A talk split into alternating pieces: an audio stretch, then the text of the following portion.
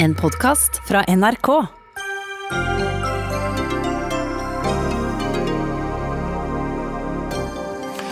Regjeringen avlyser alle vårens skriftlige eksamener for ungdomsskolen og videregående. Så hva slags kull blir avgangskullene fra 2020, og hvordan står de i forhold til andre elevkull? Etter refs fra mange toppolitikere valgte flere storbanker å sette ned rentene raskere enn de først annonserte. Men skal politikere blande seg inn i bankenes drift? Et pengebeløp tilsvarende to norske oljefond går med i USAs krisepakke til deres koronarammede økonomi.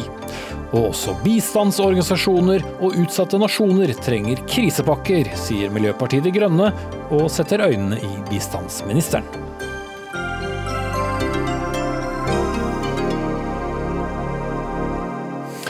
Sier vi velkommen til eh, onsdagens Dagsnytt eh, 18 med Espen Aas på to meters avstand, minst. Senere i sendingen stiller vi også spørsmålet om denne koronapandemien kan sette et dødsstøt for den liberale verdensorden. Se det. Så eh, litt av dagens tall. For siden i går mm, økte antallet med korona, med påvist koronasmitte her i landet med nye 264. Det totale antallet er nå 2916. 237 er lagt inn på sykehus. 57 av disse igjen får intensivbehandling. Det var dagens tall. Så til noen av konsekvensene. For i dag ble det klart at Kunnskapsdepartementet avlyser alle skriftlige eksamener for grunn- og videregående skoler. Vedtaket vil først og fremst ramme elever som går siste året da på videregående, og tiende trinnet naturlig nok på ungdomsskolen, som til sommeren får sine endelige karakterer, eller avgangskarakterer om du vil. Og Guri Melby, kunnskaps- og integreringsminister fra Venstre. Hvorfor må, må dere avlyse disse eksamenene? Det er fordi at sånn som smittevernrådene er nå, så er det lite sannsynlig at det går an å gjennomføre eksamen på den måten man har pleid å gjøre det i mai. Man pleier ofte å samle ganske store forsamlinger av elever i gymsaler og lignende med eldre folk som eksamensvakter, og det tror ikke vi vil være mulig. Så spørsmålet er jo da, Skulle vi nå brukt masse ressurser på å finne andre måter å avholde eksamen for en gruppe som strengt tatt ikke trenger eksamen for å få vitnemål, eller skal vi bruke de ressursene vi har på å sikre god undervisning, god opplæring og grunnlag for å sette standpunktkarakter? Vi har valgt det siste. Med å avlyse eksamen så får vi faktisk litt bedre tid i vår til å gjennomføre ordinær undervisning og få et godt vurderingsgrunnlag, sånn at vi sikrer at alle elever får standpunktkarakter til våren. Og da kan vi også godkjenne vitnemålet for dem. Men basert på hva da? For dette halvåret så er mesteparten av undervisningen den har skjedd via skriv eller videoer. altså Elevene har i hvert fall gjort unna det aller meste hjemme. Så hvordan skal det gi et godt grunnlag for en standpunktkarakter? Ja, nå hadde vi jo undervisning, ordinær undervisning fram til 13. mars. Så har vi nå i snart to uker hatt hjemmeundervisning. Det må jeg jo si har gått egentlig forbausende godt veldig mange steder. All ros til både lærere, foreldre, annet personale ved skolene som har bidratt til at det har gått så bra som det har gjort. Så mange opplever at de egentlig ikke har tapt så mye tid, men selvsagt så er det veldig store forskjeller. Og jeg håper jo også at vi får en mulighet til å åpne skolene før vårsemesteret er over. Og som sagt, hvis vi ikke trenger å ha eksamen fra midten av mai av, så kan vi vente til langt ut i juni med å sette standpunktkarakterer. Mm. Så det vil bli mest sannsynlig, da, ut fra det du sier, en standpunktkarakter basert da iallfall på, på innsats eller andre parametere i dette halvåret? Ja, altså Standpunktkarakter settes jo på grunnlag av prestasjoner hele året. Eh, og fordelen nå er jo også at vi kjøper oss litt tid. For om vi ikke får til å hvert fall åpne skolene fullverdig, så har vi også litt tid på oss til å områ oss og finne nye måter å skaffe god vurdering på. Jeg vet jo at det er mange som har gjennomført heldags hjemmeprøver allerede, og som bruker det som en god vurderingssituasjon. Så da mener jeg vi har god nok tid til å sikre at alle får standpunktkarakter. Kristin mm. Schultz, du er påtroppende leder for Elevorganisasjonen. Hvordan reagerer du og dine elever på at det nå ikke blir noen eksamen? Eh, altså, det er jo ikke noe å legge skjul på at vi i Elevorganisasjonen ikke er superfan av eksamen. Men det er en egen diskusjon som vi ønsker å ta på høsten når dette skal tas opp på nytt. I første omgang så er vi bare veldig glad for at regjeringa ikke har sett seg blind på å gjennomføre eksamen. Elevene trenger forutsigbarhet i en situasjon som denne. Så får neste steg være å sørge for at alle elever, lærer, at alle elever får et vitnemål som de kjenner seg igjen i, og som de føler reflekterer og dekker den kompetansen som de har. Mm. Men uh, mange er vel kanskje usikre på hvordan uh, deres karakter blir uh, satt. De sitter altså som sagt hjemme på litt ubestemt tid, og nå er altså eksamen avlyst. Og kanskje var det ikke verdens beste karakterer de hadde til jul heller? Ja, men med denne situasjonen så har også forutsetningen for hvordan man setter karakterer endra seg betraktelig. Derfor er det veldig viktig at vi har god dialog mellom lærere og elever, sånn at man kan få gode, varierte og rettferdige vurderingsformer, hvor elevene får en god mulighet til å vise den kompetansen de har, på en lik mulighet som eksamen ville gjort, bare at det ikke er eksternvurdert, sånn som det vanligvis ville vært. Eh, fordi da kan man ende opp med eh, gode vurderinger, hvor lærerne får mulighet til å eh, se hva elevene kan på slutten av året. Mm. Steffen Handal, leder av Utdanningsforbundet. Ehm, du syns også dette var gode nyheter? Altså, det er jo ikke en uh, ideell situasjon de har kommet opp i nå, men jeg forstår godt uh, myndighetene sin avgjørelse her. Og jeg syns også Guri Melby uh, snakker klokt om dette. Dette er ikke det vi ønsket oss, men det er sånn det må bli. Og jeg tror veldig mange lærere i dag egentlig er litt lettet over at denne beslutningen kommer, og at vi da kan bruke tid eh, på det som Guri Melby også understreker, og sette gode standpunktkarakterer. Så i en veldig veldig vanskelig situasjon så er det dessverre sånn at dette er en fornuftig avgjørelse. Det, det, jeg har lyst til å si også er at uh, Elevene mister jo her en mulighet til å vise fram kompetansen sin på én måte. og Det er klart det er ikke, det er ikke bra. og uh, Vi må gjøre alt vi kan for å i hvert fall gjennomføre eksamen for de som absolutt trenger det. og Jeg er glad også for at uh, kunnskapsministeren understreker det. så Jeg tror dette var fornuftig, selv om det ikke er ideelt. Men blir da, og jeg vet ikke egentlig hvem av dere tre jeg spør, men blir altså avgangskullene 2020 både fra 10. klasse som skal videre på videregående, og eh, videregående eh, år tre-kullene like som de andre? Nå er jo ingen kull like, eh, og det er mange ulike Nei, men de vurderes på et annet grunnlag? Ja, da, mer poeng. det gjør de. Eh, men vi skal huske på at vanlig også så teller jo standpunktkarakterer over 80% av vitnemålet. Så for de aller fleste elever så er det viktigst hva du gjør på standpunkt. Og for de fleste elever er det heller ikke stort avvik mellom standpunktkarakterer og eksamenskarakterer. Og så har vi også tidligere hatt kull som har gått ut uten eksamen, eh, bl.a. pga. lærerstreik. Så da endrer vi bare sånn at vitnemålet deres blir gyldig uansett. Men som Steffen Handal sier, det her er slett ikke en optimal situasjon. Jeg skulle ønske at vi ikke hadde vært nødt til å avlyse eksamen. Men i den situasjonen vi står i, så må vi prioritere ressursene våre. Og min prioritet er for det første er det god opplæring. Og så er det grunnlag for å sette stand på karakter. Og så er den tredje prioriteringa at alle dem som må ha eksamen, som ikke har noe stand på karakterer, sånn som privatister, også lærlinger og andre grupper som må ha eksamen, dem skal vi nå bruke alle de ressursene vi har på for å sikre at de får til det. Mm. Kristin, mm. ville du ønsket deg hjemmeeksamen eller uh, muntlige eksamener for å være helt sikker på å få en, uh, en trygg avgangskarakter? Eh, jeg tror ikke at det er det som er løsninga akkurat nå. Elevene trenger forutsigbarhet i denne situasjonen. Eh, og ved å sette ting på vent og plutselig kaste på dem helt nye eksamensformer, så tror jeg bare at det vil skape ekstra usikkerhet. Eh, fordi Hvis man f.eks. ikke klarer å gjennomføre muntlig eksamen på en vanlig måte, så kan det være veldig utfordrende å måtte omstille seg til en ny eksamensform.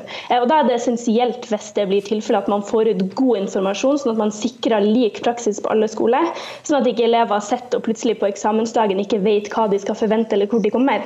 For det som er grunnen at Nå har jo folk brukt tre år av livet sitt på å forberede seg til den eksamen de forventa skulle komme.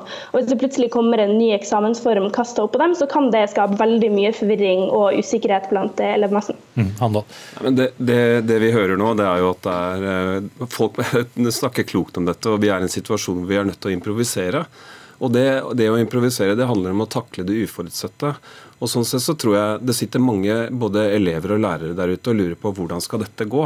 Og det er faktisk sånn at eh, Medlemmene i Utdanningsforbundet strekker seg ekstremt langt for å få til dette. Og sammen med elevene så er jeg helt sikker på at, eh, at vi skal klare det. Men det gjør nok at vi må legge til side det som vi vanligvis oppfatter som ganske strenge regler, eh, gode, tydelige avklaringer. Og nå er vi i en situasjon hvor vi rett og slett må improvisere. Mm. Men Guri Melby, vi kjører litt bil og ser ut bakvinduet og vet ikke helt når eh, samfunnet er på rett kjøl igjen. Vi kan jo ytterste konsekvens se for oss at elevene ikke kommer tilbake før sommeren igjen overhodet, og hva da? Ja, altså vi prøver jo å planlegge for ulike scenarioer. Eh, og vi prøver også å se på om det finnes muligheter for eh, litt sånn eh, at kanskje noen elever kan komme tilbake, at ikke alle er der samtidig og sånn. Altså at vi kan praktisere undervisning og møtes uten at vi fyller opp klasserommene helt, og at vi holder avstand og at vi holder på de hygienereglene som vi har satt. Så jeg både håper og tror at norske elever skal komme tilbake i klasserommene før sommerferien, men jeg tør selvsagt ikke love noe. Og det som jeg vil si, er at vi skal holde dem stengt så lenge det er nødvendig, og vi skal sikre god opplæring sammen med lærere og elever. Men jeg håper selvsagt at det ikke blir altfor lenge. Jeg håper at hvis vi skal åpne opp for noen elever, at vi konsentrerer oss også om de som er i en veldig vanskelig hjemmesituasjon, eller som har særskilte utfordringer. Mm. Og så tror jeg at uh, dette, dette, skal vi få til. uh, og jeg er glad for at statsråden også roser uh, lærerne der ute. Det er veld, en veldig krevende situasjon å drive denne type undervisning som vi nå gjør. Men det går etter forholdene helt overraskende bra. Mm. Ja. Gode karakterer i både orden og oppførsel over bord til hverandre. i hvert fall. Takk til Guri Melby, kunnskaps- og integreringsminister fra Venstre, Steffen Handal, leder av Utdanningsforbundet, og Kristin Schultz, påtroppende leder av Elevorganisasjonen, med oss på linje. Dagsnytt 18 alle hverdager kl 18.00 på NRK P2 og NRK2.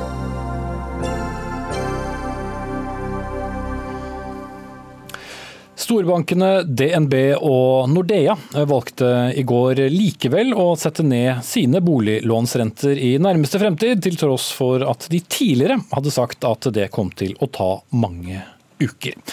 Bankene de fikk kritikk av flere fremtredende politikere for ikke å følge raskt nok etter at Norges Bank på én uke senket renten med til sammen 1,25% Begge de to storbankene har nå lovet å senke renten med 0,85% innen kort tid, og begge storbankene ble også invitert til Dagsnytt 18 for å forklare hvordan de egentlig hadde resonnert i denne prosessen, mens i det det takket de nei til begge to, til tross for mulighet til å svare på denne kritikken de har fått. da. Men eh, Øyvind Thomassen, du er daglig leder i S-banken, og du takket ja til å være med, men eh, det var kanskje litt lettere for deg, for eh, din bank valgte en litt annen strategi?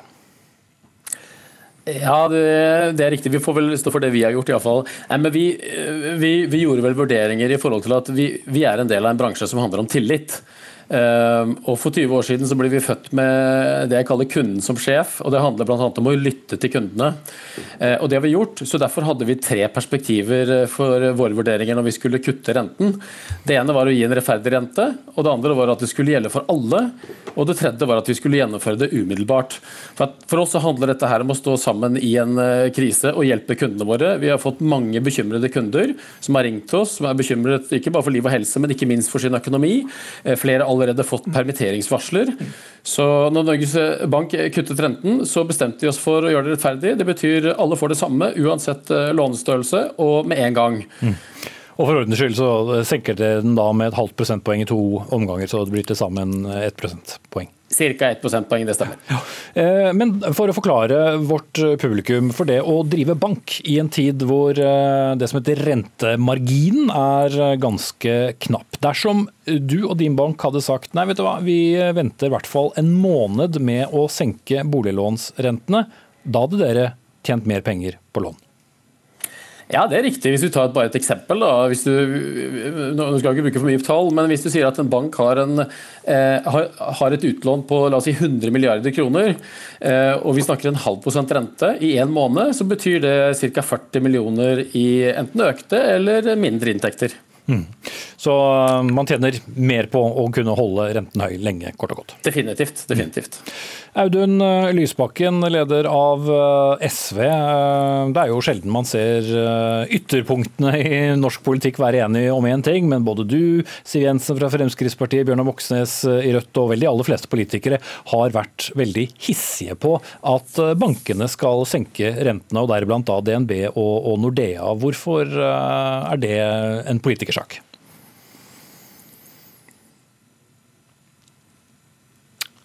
Ja, Da har vi ikke noe svar der, men heldigvis så har jeg selskap i studio av deg, Tom Stove, informasjonsdirektør i Finans Norge, som da er finansnæringens eh, hovedorganisasjon. Det har vært mye snakk om, om renter de siste dagene.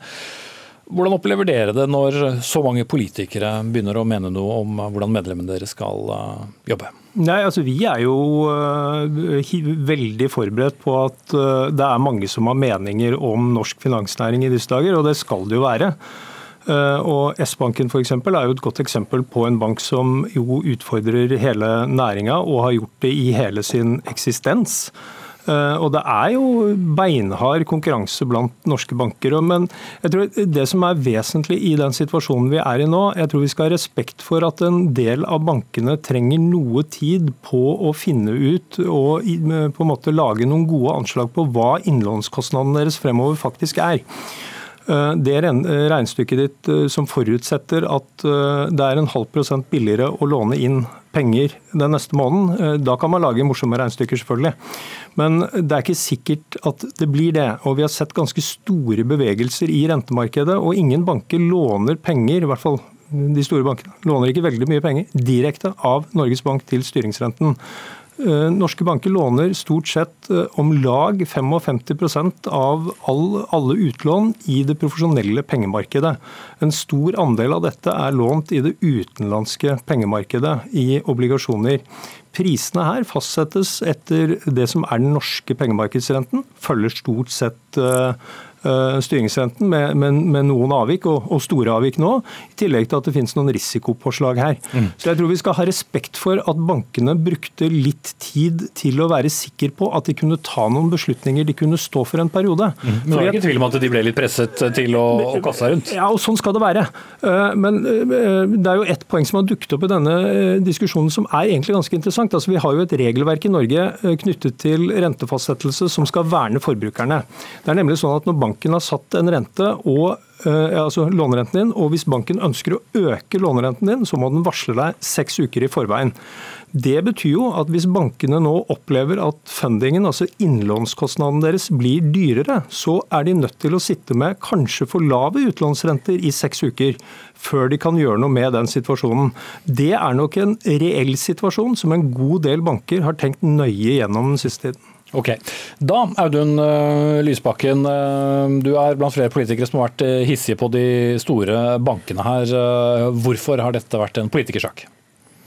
Det har det jo vært fordi vi har en uh, stor økonomisk krise der en viktig hensikt med Norges Bank sine rentekutt har vært å uh, hjelpe til å motvirke en voldsom nedtur. En nedtur som tar fra folk jobbene, raserer livsverkene, stenger bedrifter. Uh, og Da har vi vært veldig opptatt av at også den støtten skal komme ut til folk og ut til bedriftene. Eh, og Vi kan ikke ha en situasjon hvor eh, en del av de med mest makt og penger i det norske samfunnet nå tjener eh, penger, samtidig som alle andre taper på de krisetiltakene som settes inn. Og Der er det en sammenheng mellom den diskusjonen vi har om renter, den diskusjonen vi har om utbytte, lederlønner, bonuser osv. Alle må bidra med sitt. Også de store selskapene, de store bankene, aksjonærene og direktørene. Mm. Og Det mener du at eh, storbankene da ikke gjorde ved å dra bena litt etter seg eh, når det gjaldt å sette ned renten?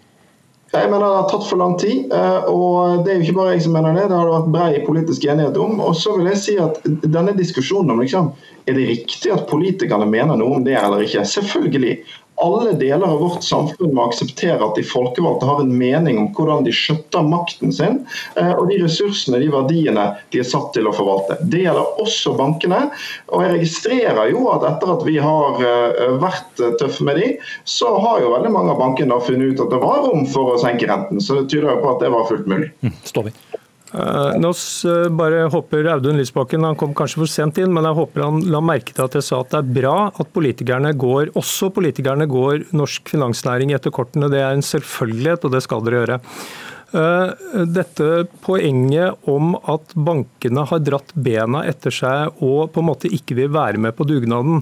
Jeg tror jeg kan forsikre Audun Lysbakken om at norske banker nå gjør det de kan for å hjelpe kundene sine gjennom den krisen vi er i. Det gjelder både bedriftskunder og det gjelder privatkunder. Norske banker står nå på døgnet rundt. De har gråtende kunder eh, stort sett hver dag på kontoret. Og Audun Lysbakken må ikke et sekund tro at norske banker i denne krisen ønsker å prioritere eh, noen andre enn kundene sine, fordi at det ville vært ris til egen bak Lysbakken. Det ville gjort at tapene våre litt lenger ned i gaten ville blitt mye større. Ja, men så, er det viktig se Nå fikk jeg dessverre ikke hørt ditt første innlegg, så det var bra du uh, sa det.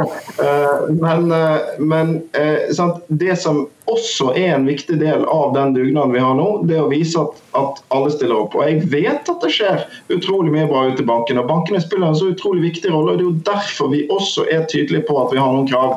Eh, og Det har jo gjentatt seg i dag med den debatten rundt utbytte, som jeg mener også er et spørsmål nå om å vise at ja, OK, dette blir tøft for alle, men det stilles tøffe krav. Ja, hvis, hvis, la, la, meg plukke opp akkurat den biten, for den, eh, den er interessant med at eh, Finanstilsynet nå uh, har foreslått at, at, bankene ikke bør betale ut utbytte uh, for 2019 pga. den finansielle uroen. og Dette har dere reagert på, på Stovi. Hvorfor? Ja, vi, ikke, vi, er, vi, har ikke reagert på dette fordi vi mener bankene skal utbetale utbytte. Det vi reagerer på er at forslaget til Finanstilsynet reelt sett setter norsk finansnæring under offentlig administrasjon situasjon. Og Det er svært, svært alvorlig. Det sender et signal til alle de som låner penger til bankene om at tilsynet, altså man kan tolke det som at tilsynet ikke har tillit til norsk finansnæring? Og hvorfor skal da det internasjonale kapitalmarkedet ha tillit til norsk finansnæring? Og hvis det internasjonale kapitalmarkedet ikke har tillit til norsk finansnæring, så kommer det til å bli veldig mye dyrere lån i Norge, for da kommer de pengene vi må låne for å låne ut, til å bli mye dyrere. Så poenget her, det er ikke at, uh, norske, at, at norske banker ønsker å betale ut masse penger til uh, sine eiere. Poenget er at enhver bank er i stand til å vurdere det samfunnsansvaret og balansere alle de hensynene som Audun Lysbakken hopper over i den svært alvorlige situasjonen landet er i. Lysbakken. Jeg håper ikke over noen av de hensynene, men det også Finans Norge må uh, legge vekt på, det er hensynet til tillit i befolkningen. Uh, Finanstilsynet regulerer jo dette uh, fordi altså, vi har en politisk regulering, også av finansnæringen, og sånn må det være. Og Det skal jeg jammen være glad for, for mye av den soliditeten som bankene i dag skryter av, skyldes jo at det har vært politisk vilje også til å stille kapitalkrav som bankene kanskje i utgangspunktet ikke var så glad for etter finanskrisen. Så regulering er ikke noe nytt. Det er heller ikke noe nytt at det er en politisk debatt om dette. Eh, men nå har vi i tillegg til Finanstilsynet sine argumenter for utbyttestopp, eh, som handler om å være sikker på at vi verner om soliditeten fordi vi ikke vet hva som kommer de neste månedene, så har vi i tillegg ett argument til, og det er tillit i befolkningen der vi må være sikre på eh, at eh, i en situasjon hvor bankene f.eks. jo nå har fått glede av noe, eh, noe slappere krav da, til, til, til, kapitalkrav, så må en være sikker på at alle stiller opp, at ingen skal berike seg på toppen i det norske samfunnet i denne situasjonen. og Derfor er dette også fornuftig for dugnadsånden i det norske samfunnet. Ja, det er når du sier dette at du faktisk bringer mistillit inn i dette markedet. Dette er et svært komplekst dette er, dette er ekstremt komplekse beslutninger, og det å være så tabloid i forhold til dette er ganske vanskelig. Det er jo Finanstilsynet som har sagt disse tingene om soliditet i dag. Jeg snakker om samfunnsånd. Eh, og Jeg tror for å si sånn, jeg tror ikke det er verken Finanstilsynet eller meg som bidrar til å skape uro i markedene akkurat nå. Jeg tror alle kan se at vi er i en dramatisk situasjon der vi som samfunn ruster oss. Eh, og I den uh, tillitsbyggingen i samfunnet må også dere delta. Ja, men det gjør vi hver eneste dag, og det er departementet, Finansdepartementet som fatter beslutning og endelig vedtak i denne saken. Da får vi sette strek eh, til, eh, for denne diskusjonen. Takk til Tom Stove, informasjonsdirektør i Finans Norge, Audun Lysbakken, leder av SV, og Øyvind Thomassen, daglig leder i SE Bank. Og styringsrenten til Norges Bank er altså helt nede på en kvart prosent. Og bankenes boligutlånsrente ligger naturlig nok eh, over det, men altså i varierende nivåer.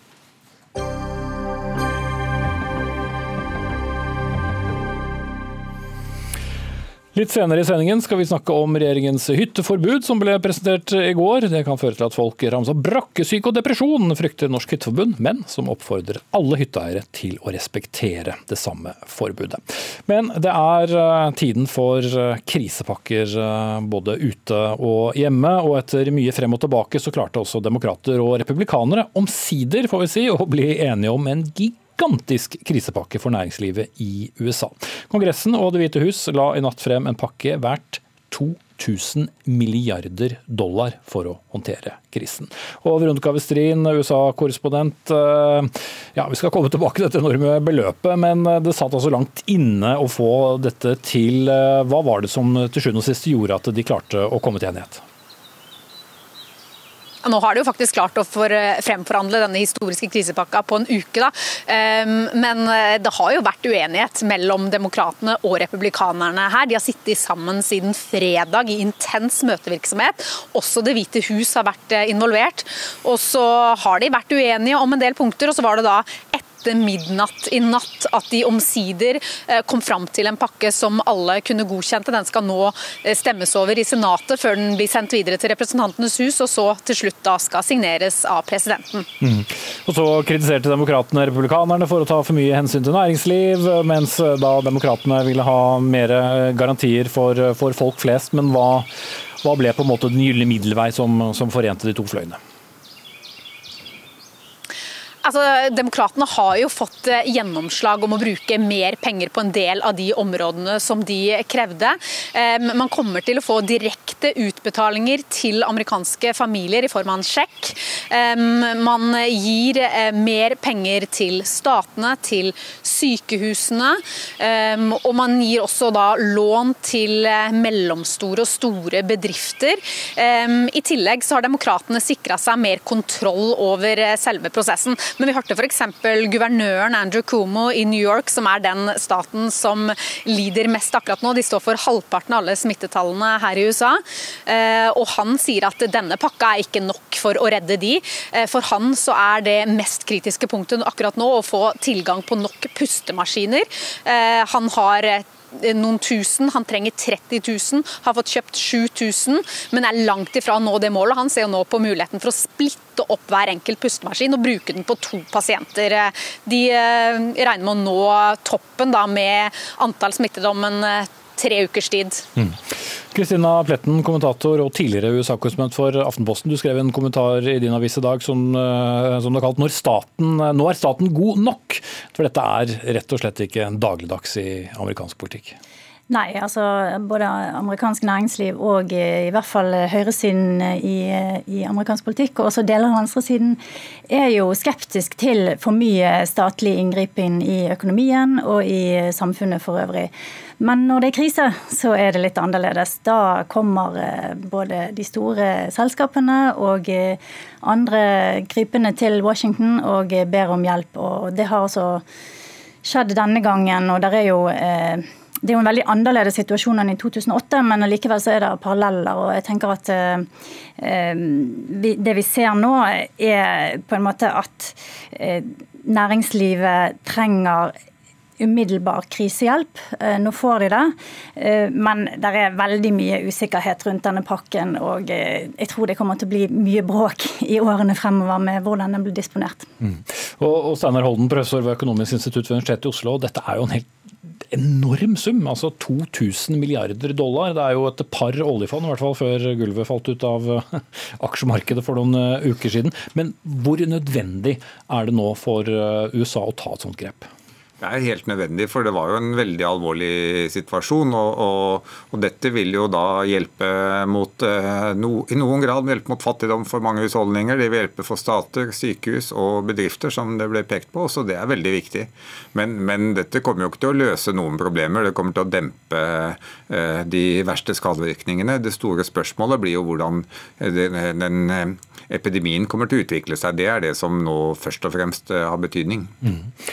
Eh, Pletten, du skriver også at mange av de nye krisemilliardene fort ligger i et skatteparadis eh, om noen år. Du har ikke troen på at alle penger kommer dit de skal? Nei, altså Det har vært mye snakk om bl.a. en del av dette, denne pakken, som er 500, rundt 500 milliarder eh, dollar, tror vi, eh, som skal gå til da Corporate America. Eh, det har, i, i, utgangspunktet så ville republikanerne ikke at det skulle oppgis hvem som fikk disse pengene, og hvor mye de fikk. Og vi har sett etter krisen i 2008 at pengene fløt ikke nedover, eller de dryppet ikke ned på bunnen slik som det var tenkt. De forsvant på en måte et eller annet sted på veien, og mye av det forsvant også ut av landet. Så jeg tenker at når de kjører dette gjennom så fort som de gjør da, det er jo snakk om at de skal stemme dette gjennom i løpet av dagen i dag, eh, så kan de umulig klare å ha kontroll på hvordan denne her helt enorme pengesummen skal flyte gjennom samfunnet, og hvordan Eh, det amerikanske næringslivet som er styrt av sine aksjonærer, styrt av profitt, hvordan de skal, eh, skal på en måte eh, disponere disse pengene på en samfunnsmessig ansvarlig måte. Da. Så ja, jeg, jeg, tror at om fem år så kommer en god del av dette til å ligge i Cayman Islands og andre skatteparadiser. Mm.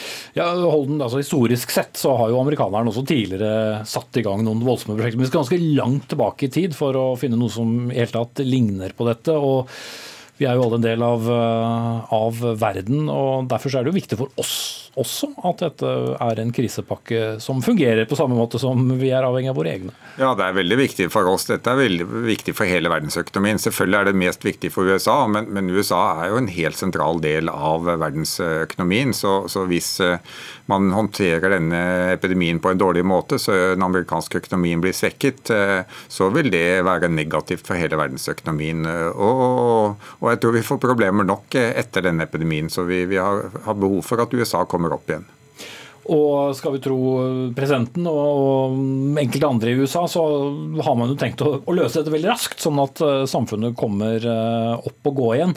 Men det er jo ikke gitt, det. Og hvis det da hjulene på en måte ikke har begynt å gå igjen, så er det jo ikke så lett å få skapt noe vekst for alle disse pengene som man sprøyter inn. Nei, Hans eh, påstander fremstår som eh, like realistiske som en del av de andre påstandene har kommet med tidligere, eller like urealistiske, for å si det litt mer presist. Så Eh, dette her er jo i utgangspunktet burde være et midlertidig problem, denne epidemien. At i hovedsak så går den over, og så får man en vaksine eller blir immun. Men, men, det som er bekymringsfullt, er jo at det kan komme permanente skadevirkninger for mange mennesker og for husholdninger og bedrifter og sånn. Så det er det vi er veldig bekymret for. Mm. Eh, Pletten. Ja, eh, og USA er jo også et samfunn som er veldig sårbar for denne type situasjoner, fordi at de har en mye svakere velferdsstat folk er mye mer avhengig av å ha løpende inntekter for å i det hele tatt kunne klare å ha et sted å bo, ha en bil, eh, ha helseforsikring osv. Så, videre. så jeg tror at eh, belastningen på befolkningen da blir mye sterkere og større. Og eh, dermed så vil du også se eh, langtidsvirkningene bli dypere for en god del av amerikanerne. Donald Trump uh, har jo vært en kontroversiell uh, president, ingen tvil om det. Men økonomien i USA har jo gått relativt godt. Og mange mener jo det er en av grunnene til at også uh, Donald Trump har ikke blitt så utfordret som han kunne ha blitt. Men kan dette bli den virkelig store lakmustesten? Og det på litt av et tidspunkt òg, for det skal jo i hvert fall etter planen være et, et valg i november. Ja, det skal jo det. Eh, det er jo vanlig eh, conventional wisdom, som det heter, at eh, økonomien har veldig mye å si i valg. Og er det oppgangstider, så er det veldig vanskelig å danke ut en sittende president. Jeg tror fortsatt at Trump har en veldig sterk støtte, og det ser jo at populariteten hans nå faktisk stiger. Så det er veldig vanskelig å spå i dette her. Og det kan jo også hende at en del amerikanere vil tenke at eh, the devil we know altså, er bedre enn å satse på noe nytt i en så, en så labil situasjon. Da. Så hvem vet. Mm. Kort til slutt, eh, Holden. Det er jo en annen utfordring òg, og det er den enorme utenlandsgjelden som eh, USA har på toppen av det. Det gjør vel heller ikke så veldig enkelt? Nei, altså Gjelden til USA, både utenlandsgjeld, men først og fremst statsgjeld, den er jo en, en uh, bekymring for mange. Men jeg mener at den er nokså langt ned på listen over USAs uh, bekymringer. Nå, først nå er det da kutt i krisen, men jeg ville vært mer bekymret for uh, manglende infrastruktur, høy fattigdom, sosiale problemer. Det er en for stor andel av befolkningen som ikke er i jobb og har det veldig vanskelig. Det er det mye viktigere for økonomiens vekstkraft fremover. Så vi, har, vi, ser at i mange land så et solid økonomi de kan tåle en høy gjeld. Japan har greid seg bra med mye høyere gjeld. Mm. Vi får se om man klarer å make America great again. Takk til Kristina Pletten, kommentator i Aftenposten og tidligere USA-korrespondent i samme avis, og Steinar Holden, professor ved Økonomisk institutt ved Universitetet i Oslo.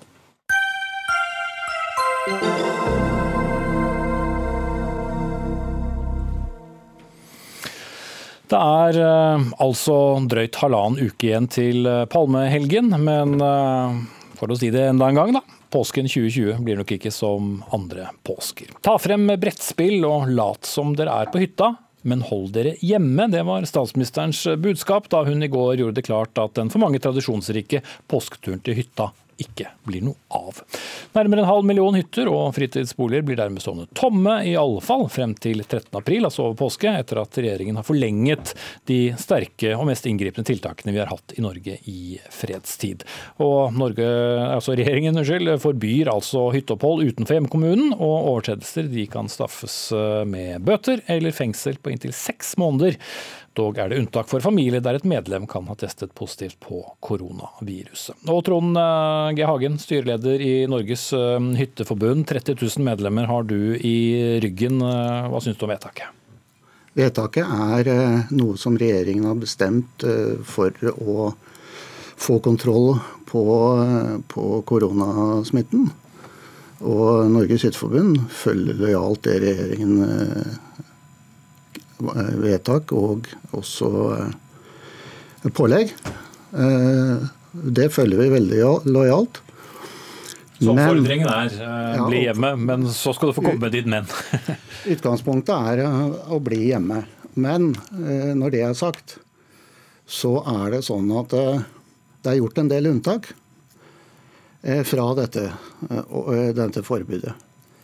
Og det er, hva skal vi si en nasjonal dugnad som vi holder på med, som egentlig alle bør ta del i. Men det er det faktisk ikke alle som gjør. Mm. Jeg kan nevne et eksempel. at eh, Norske kommuner de eh, lager egne regler for eh, karantene, for innreiseforbud. Og for å hindre utenforstående å komme inn i deres kommune. Det er faktisk ikke lov. Men hvordan relaterer du da dette til hytteforbudet? Ganske enkelt fordi at det, um, det er i hytteforbudet anledning til å foreta strengt uh, nødvendige vedlikehold for å unngå skade på hytte. og det gjelder spesielt, måking av hyttetak. Ja. Spesielt nå på fjellet med, med snømengdene. Og uh, det får ikke mange hytteeiere anledning til fordi kommunene har stengt grensene. Mm, skjønner. Elisabeth eh, Hals, du er eh, varaordfører i Oppdal for eh, Venstre. Bare for å ta noen fakta først. Altså, hvor viktig er hytteeierne, hvis vi ser utenfor mm. den situasjonen vi er i nå, for, for din kommune? Hytteeierne er kjempeviktig. Vi har i underkant av 4000 hytter i kommunen vår. Vi er 7000 innbyggere til vanlig. I påsken så bruker det å komme ja, hva skal en si 10 000 hyttefolk til bygda vår. Så de er kjempeviktige. Det, det, det, utgjør en vanvittig omsetning i uh, handelsstanden, som nå dessverre uteblir med forbudet. Mm. Men du kunne likevel ønsket deg et strammere forbud enn det regjeringen legger opp til? Ja, um, fordi hvis vi ser på det her med smitte og smittevern, så er jo vi litt bekymra for det unntaket som regjeringen har gjort når de åpner for at familier til smittede uh, med påvist koronasmitte kan dra på hytta så syns vi det er svært betenkelig. For sjansen for at familiemedlemmer av en smittet eh, person også vil utvikle symptomer og kanskje ha korona, er jo veldig stor. Eh, så hvis vi først skal ha hyttefolk tilbake, så vil vi helst ha friske hyttefolk. Mm. Ja, dette er jo kjent uh, argumentasjon, og én hjemmepåske, det vil vi vel kanskje også klare, Trond Hagen. Men hvis vi skal se det i et lengre perspektiv nå, forholdet mellom hyttekommunene, som er avhengig av både pengene som hyttefolk legger igjen der, i tillegg kan du ta inn eiendomsskatt og, og, og andre ting. Kan det bli skadet? Du kan si det sånn at det forholdet mellom hytteeiere og kommunen, hvor hytteeierne har hytta si, den kan bli skadet over tid. Fordi vi hytteeiere, som lojalt følger bestemmelsene som regjeringen vedtar, skal huske på det at inntil 10.3 så ble folk anbefalt å ha hjemmekontor på hytta. Eh, etter det så snudde det. Nå, eh, heldigvis, så er det gjort klart at eh, forbudet mot å reise på hytta, det er ikke pga. smittefaren. Det er andre årsaker. Ja, Som, som Hans forklarte. Ja.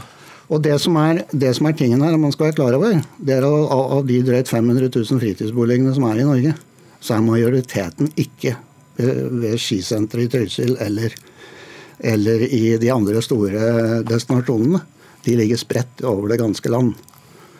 Og eh, vil påvirke eh, kommunene i mye mindre grad enn i de store destinasjonene, sånn som Oppdal, hvor, som er avhengig av også på sikt økonomien som disse hytteeierne legger igjen, eh, som de nå, nå ikke får. Det samme vil du f.eks. ikke ha i Trondheim, hvor du har 200 000 innbyggere og 1200 hytter. Mm.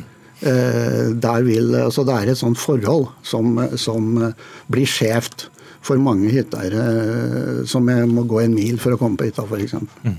Ja, hva tenker du eh, Elisabeth Hals? Nå ønsker du ikke å se luggen på en eneste hytteeier av, av åpenbare grunner, men frykter du også for et litt mer anstrengt forhold fremover? Um, ja, ja, nei, vi skal, vi skal, huske på det at vi hytte, hyttefolk og vi lokalbefolkning vi skal leve godt sammen også i tiden etter korona. Um, og Jeg ser jo på nettet, og så er det, det kan bli litt sånn opphetet debatt. Så jeg har jo gått ut i lokale medier og bedt folk besinne seg der. Uh, for en ting er jo at Av smittevernhensyn så syns vi at uh, dette forbudet og, det å holde seg hjemme er topp. Uh, men det er en kjempestor nedside rent økonomisk for våre næringsdrivende. Mm. Vi får se hvordan det går. Takk skal dere ha begge to. Trond G. Hagen, fra, som er styreleder i Norges Hytteforbund, og varafører Elisabeth Hals i Oppdal. Og Dermed så blir det altså brettspill hjemme i påsken. Kanskje påskelabyrint også med Viggo Valle, skjønt alle vet vel i år svaret på det legendariske 'Hvor skal vi reise?' Ingen steder. Hør Dagsnytt 18 når du vil. Radio NRK Radio.nrk.no.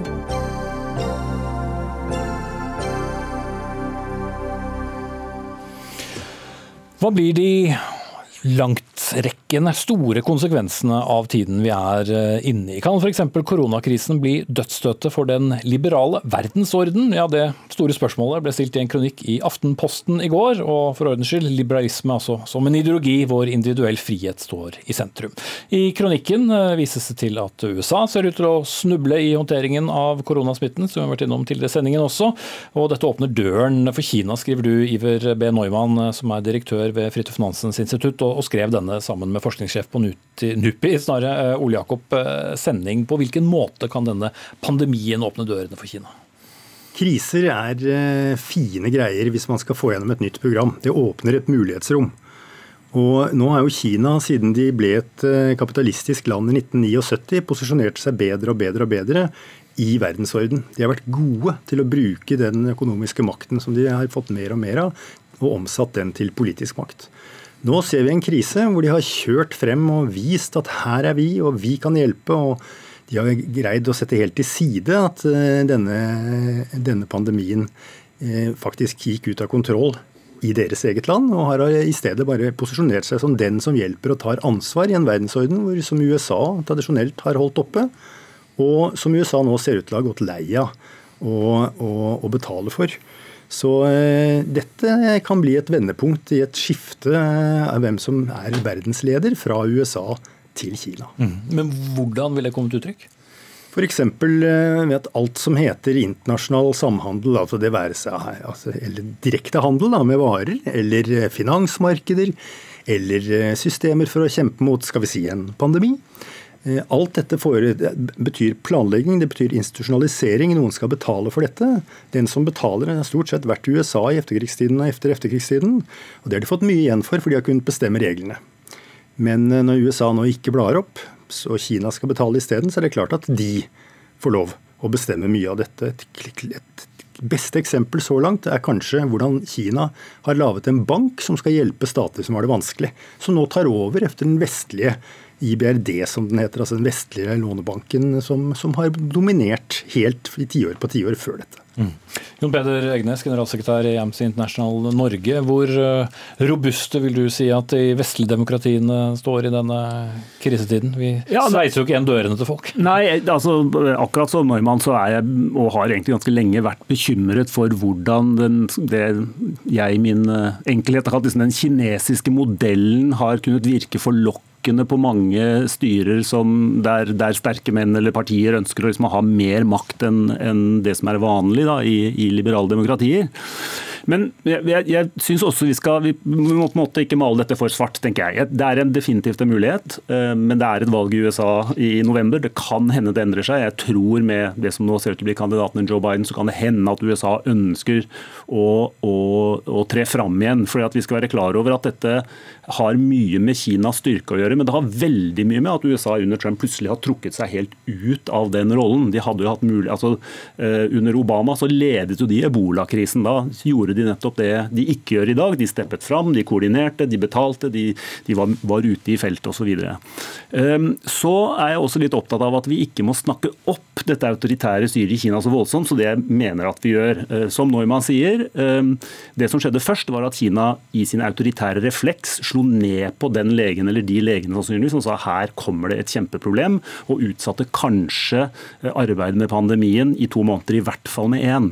Uh, folk som kan epidemi mye bedre enn meg, kan kanskje si noe om hva det faktisk har ført til. Men, men at det i hvert fall forsinket reaksjonen voldsomt, det er helt åpenbart. Mm. Så må vi se på at det finnes stater, Sør-Korea, Taiwan, som har vært like effektive tilsynelatende som Kina, eh, men som ikke har brukt de autoritære metodene. Og så synes jeg vi skal se hjem og, og, se hva er det vi får til her, med et veldig liberalt demokrati. Vi får til å bekjempe tilsynelatende denne sykdommen eh, med et veldig åpent demokrati, hvor til og med regjeringens liksom, forsøk på å få inn en kriselov blir barbert og barbert og barbert.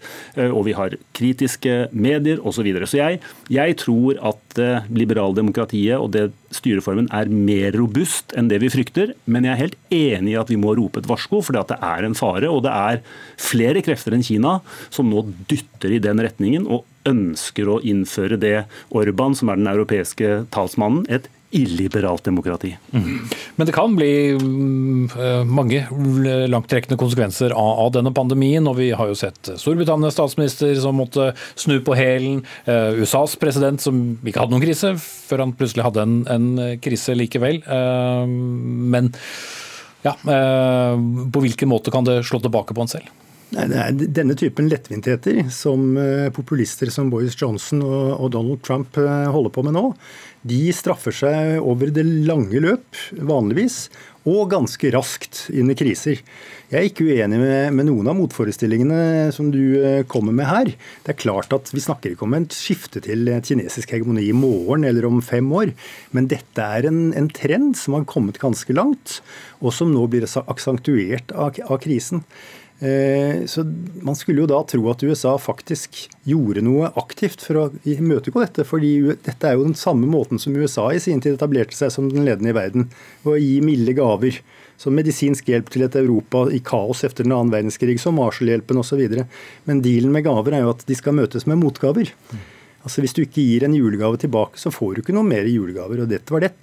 Så, så her er det noe med forpliktelser som, som, USA under Trump rett og slett ikke forstår. Og jeg synes nok at hvis jeg skulle være uenig med noe av det du sa, så er det at eh, USA nok kan komme litt frem og tilbake og være varme og kalde og sånn.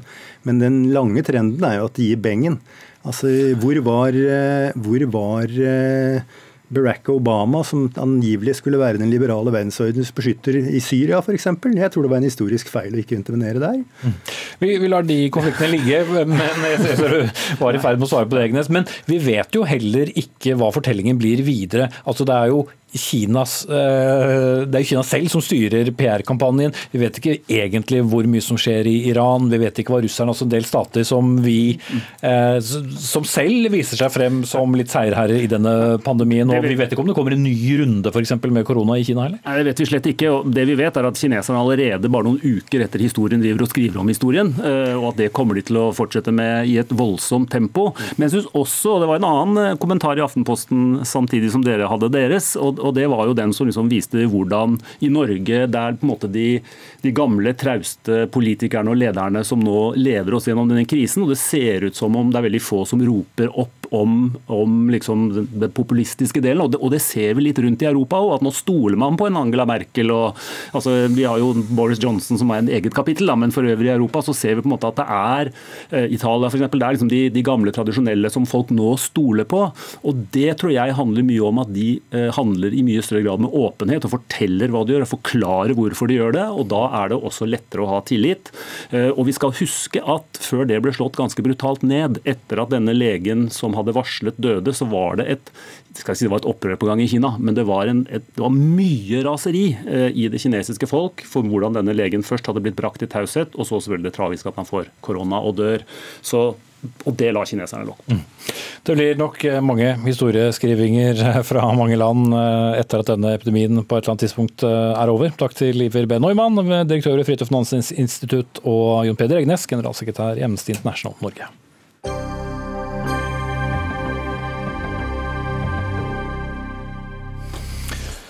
Utenriksdepartementet øker innsatsen sin for å bekjempe koronaviruset verden over, og vi har tidligere hørt om at bistandsmidler økes fra 10 til 100 millioner eh, kroner. Egenandel for bistandsorganisasjoner fjernes, og muligheten for det som heter et flergiverfond, der flere land er med, undersøkes. Men eh, vel og bra det, men fortsatt for lite, sier du Sigrid Heiberg, som er utenrikspolitisk talsperson for partiet, Miljøpartiet De Grønne. Hva er det som ikke er godt nok? Nei, Det er rett og slett ikke fort nok, og det er ikke nok. Eh, og Jeg applauderer alt som Utenriksdepartementet har gjort denne veka her, og utviklingsministeren. Det er kjempebra, eh, men vi trenger veldig veldig mye mer. Og Jeg er eh, ikke her for å kjefte på utviklingsministeren, for jeg tror at han er veldig enig med meg. Men jeg tror at han trenger all den drahjelpen han kan få for å sette dette problemet på agendaen, og for å få gjennomslag òg i regjeringa og på Stortinget for at vi må gjøre mer. Mm. Og du kan vel tømme hele oljefondet om du vil i bistand? Ja, det kan en. Men det som er viktig nå, er at vi innser at dette er en global pandemi og en global krise, og vi må behandle det som det. Og alle løsningene på denne krisa er internasjonale. Og Norge har økonomiske muskler, og vi har egeninteresse av virkelig en stor krisepakke internasjonalt. Og Den må komme nå, og den må være eh, kraftig. Og vi må gjøre mye mer for at bistandsorganisasjonene kan jobbe effektivt her og nå. Mm. Og for så ser vi nå at I Moria-leiren i Hellas der er det fortsatt tusenvis av mennesker som lever uten tilgang til rent vann, såpe, basic helsetjenester. Vi er nødt til å evakuere dem, og vi er nødt til å gjøre det nå. Mm. Jeg skal snart få svare på dette, Dag Gulstein, men jeg lurer på når du sier da en, en krisepakke på denne måten, hva, hva, er det? Hva skal den inneholde, og hvor stor skal den være, og hvorfor eh, er det god pengebruk? Det er god pengebruk fordi det vil redde menneskeliv. Og det vil sikre vår egen økonomi og sikkerhet på lang sikt. Men det skal være eh, målrettet da på denne pandemien? Det ja, det er riktig. Denne pandemien skjer nå. Den er i ferd med å spre seg nå i veldig sårbare områder. Og vi må ta inn over oss at selv om dette er en veldig vanskelig situasjon for, for oss i Norge, absolutt alle, så er det verre for de som er mest sårbare fra før. De som bor i slumområder, konfliktområder, overfylte flyktningleirer. Og De trenger strakstiltak nå, og vi har midler til det. Vi snakker om å oppe, oppe til 100 millioner kroner. Ja vel. Men altså regjeringa er villig til å bruke 3 milliarder på å redde et konkurstrua lavprisselskap. Altså er vi 30 ganger mer, bryr vi oss 30 ganger mer om billige sydenturer i framtida enn om verdens fattige. Jeg tror ikke vi gjør det. Og da er vi, nø vi er nødt til å gjøre ting nå. Vi er nødt til å stille midler til rådighet nå. Og 100 millioner er en, en dråpe i havet. Det trengs mye mer, og det trengs nå. Ok. Dag Inge Ulstein, utviklingsminister fra Kristelig Folkeparti. Du skal slippe å svare på den sammenligningen med et visst eh, flyselskap, men 100 eh, millioner, eh, hva får man for det? I den pandemien vi nå står overfor? Ja, Nå er det bare ett av de grepene som tas, og jeg syns det er veldig veldig bra. Jeg skulle gjerne ønske at det var flere som kom på banen og hadde nettopp det budskapet. Eh, vi vet at det er en utrolig alvorlig situasjon her hjemme. Det viser på en måte de krisepakkene som regjeringa har lagt fram. Eh, den krisa eh, er en katastrofe i mange av utviklingslandene, og det rammer de aller mest sårbare aller mest. Og Derfor så har vi vært veldig tett på og bidratt med, med viktige både humanitær respons, som er den de 100 millionene som du nevnte eh, i sted. Eh, men mer enn det så eh, må vi først få oversikt over situasjonen i mange av de landene. Det at vi sørger for at vi får en koordinert innsats. Det at vi gjør de hjelpeorganisasjonene som, som er der til og med etter at grensene blir stengt, at de får fleksibilitet og kapasitet til å, til å gjøre den jobben som de kan aller, aller best. Så jeg skal i hvert fall love deg at det er noe som vi har veldig veldig høyt på agendaen. Og hvis jeg forsto det rett, så var det at en ønsker at en skal bruke 1 milliard til eh, den eh, koronainnsatsen. Og vi kommer til å bruke mer. Mer enn 1 milliard. Fordi at det å vri nå oppmerksomheten på det som kommer til å, å være en kjempekrise, ikke bare helsekrise, men en samfunnskrise, der liksom de, de, økonomiske og sosiale konsekvensene for de fattigste kommer til å være helt uante. Vi aner rett og slett ikke mørketallene i dag. Og den milliarden av unge som i dag ikke får gå på skole, dessverre så tror jeg vi kommer til å se at mange av dem ikke kommer til å komme tilbake igjen på skolen. Mange av de som ikke får gå på skole i dag, som kanskje hadde den skolemåltid som sin eneste ernæringsrike eh, måltid i løpet av en dag, det er uante konsekvenser. Ok, Heiberg, der fikk du svar med en gang, så vi kan nesten avslutte her, da. Ja, altså, det, Dette er kjempebra. Jeg tror, jeg tror, Vi to tror jeg er veldig enige om eh, situasjonen og hva som trengs. Eh, og, men det trengs, altså det Norge har gjort til nå, er ikke nok. Hellas har bedt oss om hjelp til å evakuere Moria i månedsvis. Det har ennå ikke skjedd. Eh, Europa har ikke klart å gjøre det sammen. Norge har ikke tatt nok initiativ. Men Handler det om korona, eller er ikke det egentlig en det, annen uh, Verden er litt sånn at alt henger sammen med alt. Altså, Når nå koronaviruset kommer til å spre seg i de flyktningleirene, så blir det totalt total katastrofe. Så vi er nødt til å klare å tenke flere tanker på samme tid. Men jeg tror ikke du er oppdatert rett og slett på det regjeringen har gjort. fordi at eh, Vi har jo vært de som har vært fremst framme internasjonalt på å få en rask respons. Vi har utfordra Tyskland som kom på banen, både når det gjelder å utvikle en vaksine, og nå er det viktigste vi gjør. Eh, og Vi har faktisk bidratt med 1,6 milliarder og kommer til å gjøre det de neste åra for å utvikle den. Og Det viktigste nå er å sørge for at den blir tilgjengelig for de som trenger det aller mest. At ikke det er bare kommersielle interesser, at ikke det er rikeste landet som kan få det. Dette er en koordinert innsats. Det at vi bruker styre, eh, påvirkninga vår i Verdensbanken, i IMF, slik at det, det er en, en, fattigdomsorientering av den hjelpa som nå blir gitt. Og så ønsker vi altså at det er en del prosjekt, en del program, som ikke lar seg gjennomføre nå. Og det ønsker vi skal dreies over til en koronainnsats. Og så er det noen ting som faktisk ikke er fullt så viktig som akkurat de konsekvensene av det vi ser eh, skjer. Og så tror jeg dessverre at ikke vi har fått sett hva mente du da? Det, er, det som ikke er viktig, er konsekvensen av det som vi ser? Jo, fordi at eh, nå har vi sett uh, Italia, vi har sett Kina og vi har sett liksom en del av disse landene som vi har sett mye i mediebildet nå. Men vi har altså ta Nigeria med 200 millioner innbyggere. Over 30 av distriktene der, jeg har vel 6-37 distrikt, har ikke muligheten til å få det testet i det hele tatt. Antageligvis så er det sånne store underliggende på en måte spredninger som allerede pågår i mange av de landene. Et land med 30-40 millioner innbyggere som har kapasitet på ti sengeplasser, et helsesystem som allerede er ekstremt sårbart, utrolig krevende dilemma. Det å innføre de samme grepene som vi gjør her, og låse ned de samfunnene eh, Jeg tror ikke vi aner hva konsekvenser vi kommer til å se i mange mange år hvis ikke vi nå gjør nettopp det som du etterspør. Har en koordinert og veldig sterk og, og, og viktig innsats. Men vi må vite hva vi gjør. Vi er nødt til å, å, få den nødvendige kunnskapen, slik at vi setter inn midlene der det trengs. Men Mener du at Heiberg ikke er så koordinert i sin tankegang når hun ber om mer penger? Nei, altså, jeg deler jo veldig Jeg hører du snakker om, om flyktningleirene i, i, Hellas samtidig som vi snakker om, om den situasjonen her. og Jeg deler bekymringen din veldig. Altså Smitte i slumområder, i tett befolka områder, i flyktningleirer er noe av det virkelig det verste som kan skje.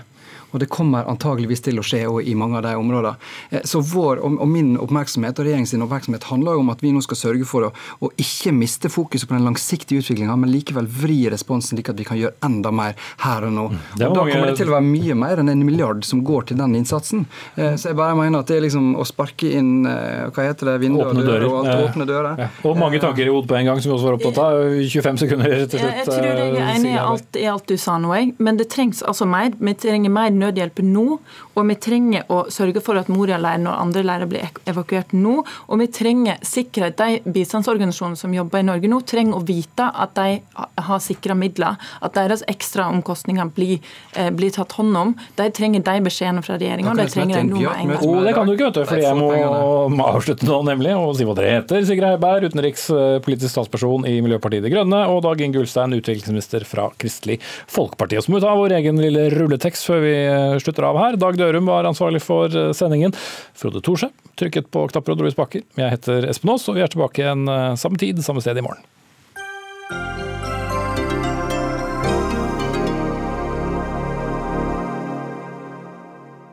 Du har hørt en podkast fra NRK.